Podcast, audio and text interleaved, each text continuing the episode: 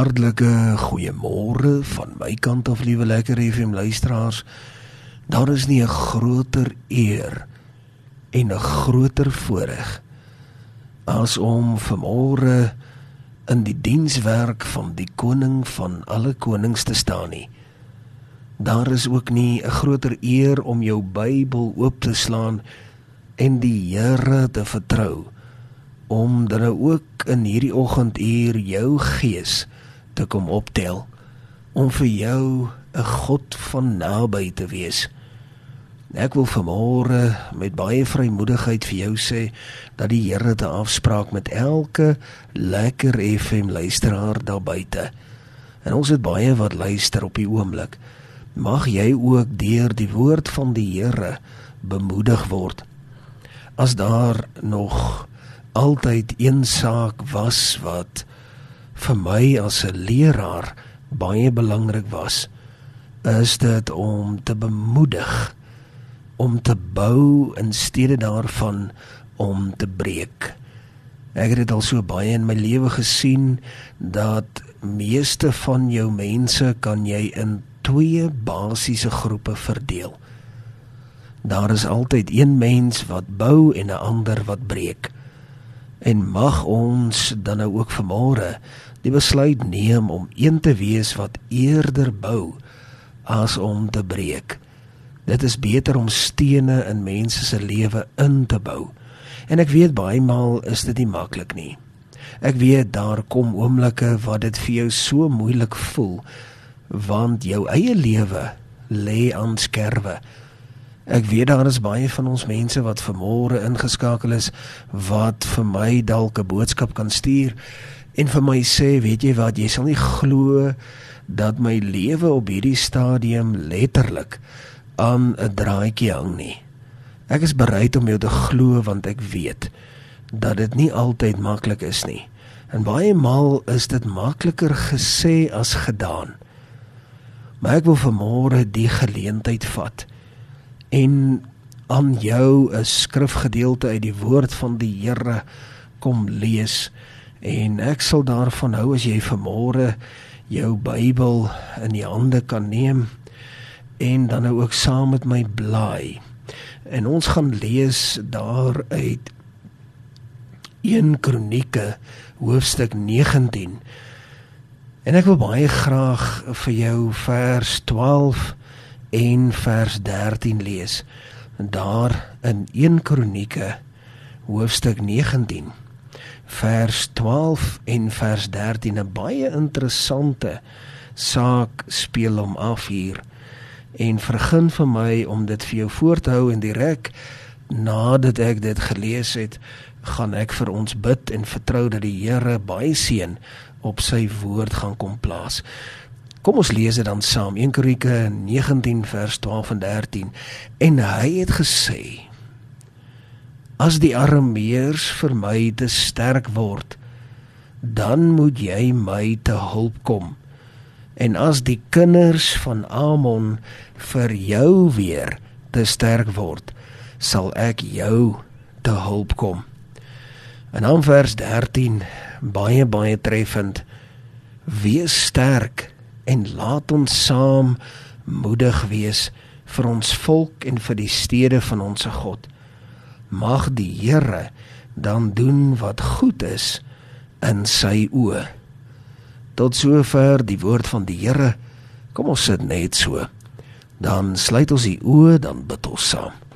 Hemelse Vader, vanmôre is dit werklik 'n voorreg om vanuit u woord te kan lees om te weet omdat ek weet dat u deur u woord met ons praat. U woord is kragtig. U woord is skerper as 'n tweesnydende swaard.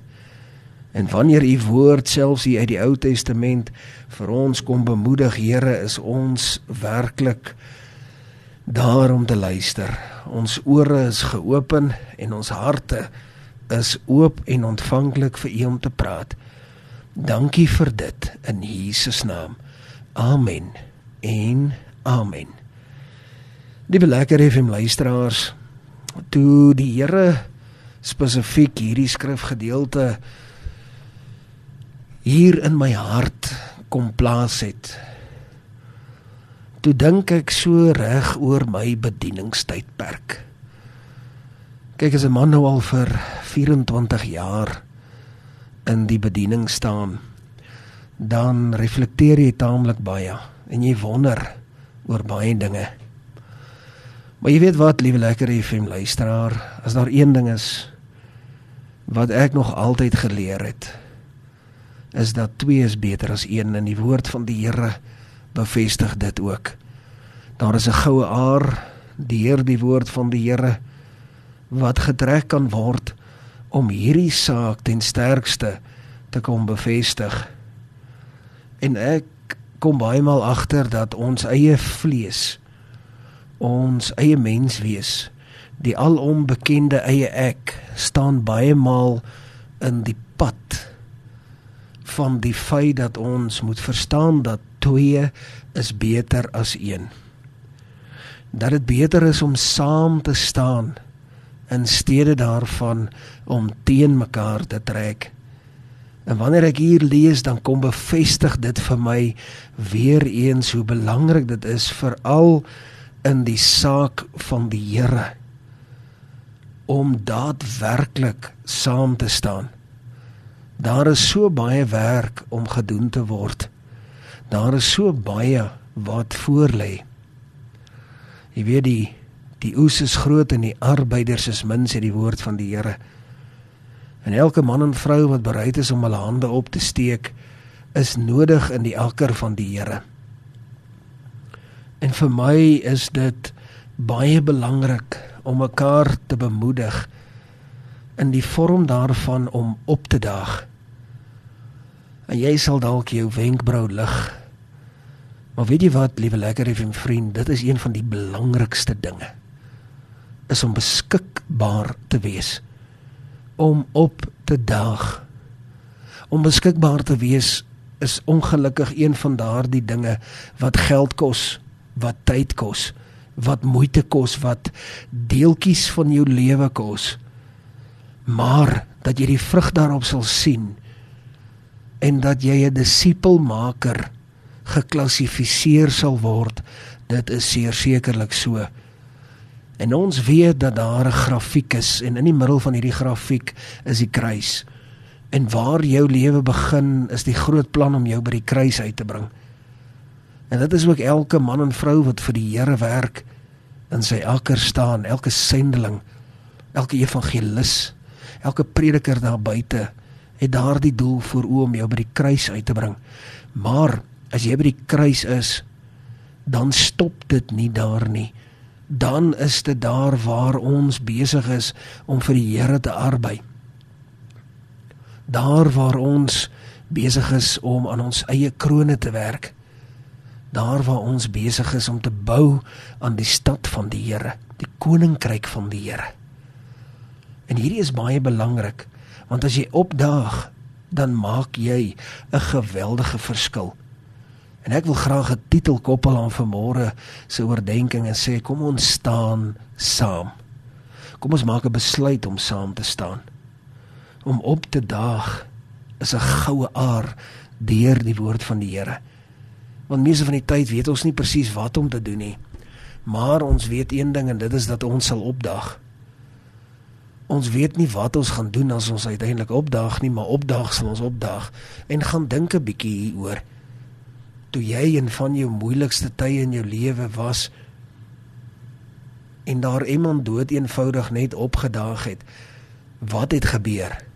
Jy het sommer nuwe vuur gekry, nuwe ywer, nuwe brandstof. Jy het sterker geword, net soos wat Moses se hande omhoog, se arms omhoog gehou was. Opdaag van mekaar en vir mekaar vir een saak ten doel en dis die saak van die Here. Om op te daag om te sê kom ek staan saam met jou met betrekking tot die saak van die Here. En ek weet baie maal is dit moeilik want ek onthou self die jare toe ek moes opdaag om in die bediening in te gaan. Ek was op skool gewees en het heeltemal 'n ander studie rigting aangedink en uiteindelik besluit dat ek nie gaan studeer nie. En ek onthou dit nog baie baie goed dat ek uiteindelik eers gaan werk het daar in die in die polisie. En die dag toe ek weet dat ek moet gaan studeer vir die bediening, het ek dood eenvoudig net opgedag. Ek onthou nog dit was 'n moeilike situasie. Daar was nie eintlik voorberei vir my nie. Ek het nie eens eintlik geld gehad nie. Daar was niks wat en alles het alles het teen my ingewerk. Niks het goed geloop vir my nie. Nou die dag hierdie verhaal vir iemand vertel, toe ons 'n bietjie getuig het oor hierdie sake, toe glimlag ek breed want die aand voor die tyd het ek wakker geword met iets soos 65 muskietbyte die volgende dag toe ek moes trek. En nou jy het al gehoor van 5 muskietbyte of 10 muskietbyte, maar nie 65 muskietbyte nie. En dit is asof dit al hoe moeiliker vir my moes word om op te daag en vir jou sal dit ook so wees soms. Maar dan moet jy deurdruk. Dan moet jy besluit neem om te sê ek staan vas. Ek druk deur want ek wil deurdruk. Ek wil opdaag. Ek wil graag doen wat die Here wil hê ek moet doen. Geen mens sal dit alleen maak nie. Geen mens nie. Jou naam het ek geleer staan in elk geval op alles wat jy sal bereik. Alles wat die Here vir jou instoor het, jou naam staan al reeds op dit geskrywe. So met ander woorde is jy hoef nie intimiderend of intimiderend na die lewe te kyk nie. Jy weet dag maar op, help ander mense, sien dat jou naam in elk geval op dit staan wat jy sal ontvang. Hierdie is nie 'n kompetisie om te kyk wie vat wat nie. Die Here het al reeds vir jou besluit wat is joune en wat nie. En op hierdie metode, as jy dit so sien, dan maak dit mos nou baie meer sin. Jy weet dan is dit 'n wen-wen situasie. Daarom is dit so belangrik. En hy het gesê as die arameërs vir my te sterk word, dan moet jy my kom help. En as die kinders van Amond is vir jou te sterk word, sal ek jou kom help. Wees sterk. Laat ons mekaar bemoedig. Laat ons saam moedig wees vir ons volk en die stede van ons God. Die saak van die Here. Mag die Here doen wat goed is in sy oë, maar laat ons die res doen. Met ander woorde, laat ons doen wat ons kan doen. Laat die Here die res doen. Laat ons mekaar onderskraag en ondersteun. Ondersteun mekaar eerder. Staan eerder daar waar dit belangrik is. Bou eerder daardie stene in mense se lewe as wat dit is dat jy die steen sal afbreek. Moenie een wees wat eerder breek as waar jy kon gebou het nie. Bou eerder. Dit is veel meer wonderbaarlik. Veel meer goddelik en jy sal uiteindelik die vrugte daarvan pluk tot sover die woord van die Here. Ons sit net so. Dan sluit ons die oë, dan bid ons saam. Hemelse Vader, ons wil U loof, ons wil U prys. Dankie vir U hand van genade. Dankie Here dat ons weet omdat ons weet dat U na ons omsien. Dankie Here dat ons weet dat U deur hierdie woord vandag weer vir ons die bevestiging kom gee het van hoe belangrik dit is om vir mekaar daar te wees. Here help ons om getrou te wees teenoor mekaar en om U saak eerste te stel. Dit uiteindelik is die heel belangrikste. Here, ek wil ook in die begin van hierdie week kom bid dat U op 'n goddelike wyse vir ons deure sal oopmaak en vir die ouens daar buite wat besig is om die saak te verkondig dat U vir hulle sal onderskraag. En Here dat U elke sendeling letterlik by die hand kom neem en kom seën elke evangelis en 'n reisende evangelis dat U hulle sal werklik seën. Seën ook Here ons radiostasie is my gebed in Jesus naam. Want Here daar is geen ander heens wie ons draai behalwe U nie. Ons bid dat U vir ons sal bystaan. Dit uiteindelik is letterlik al wat saak maak. Here, hierdie dinge bid ons nie uit genade uit, ag ag uit verdienste uit nie, Here, maar ons bid dit uit genade in Jesus naam. Amen. En amen.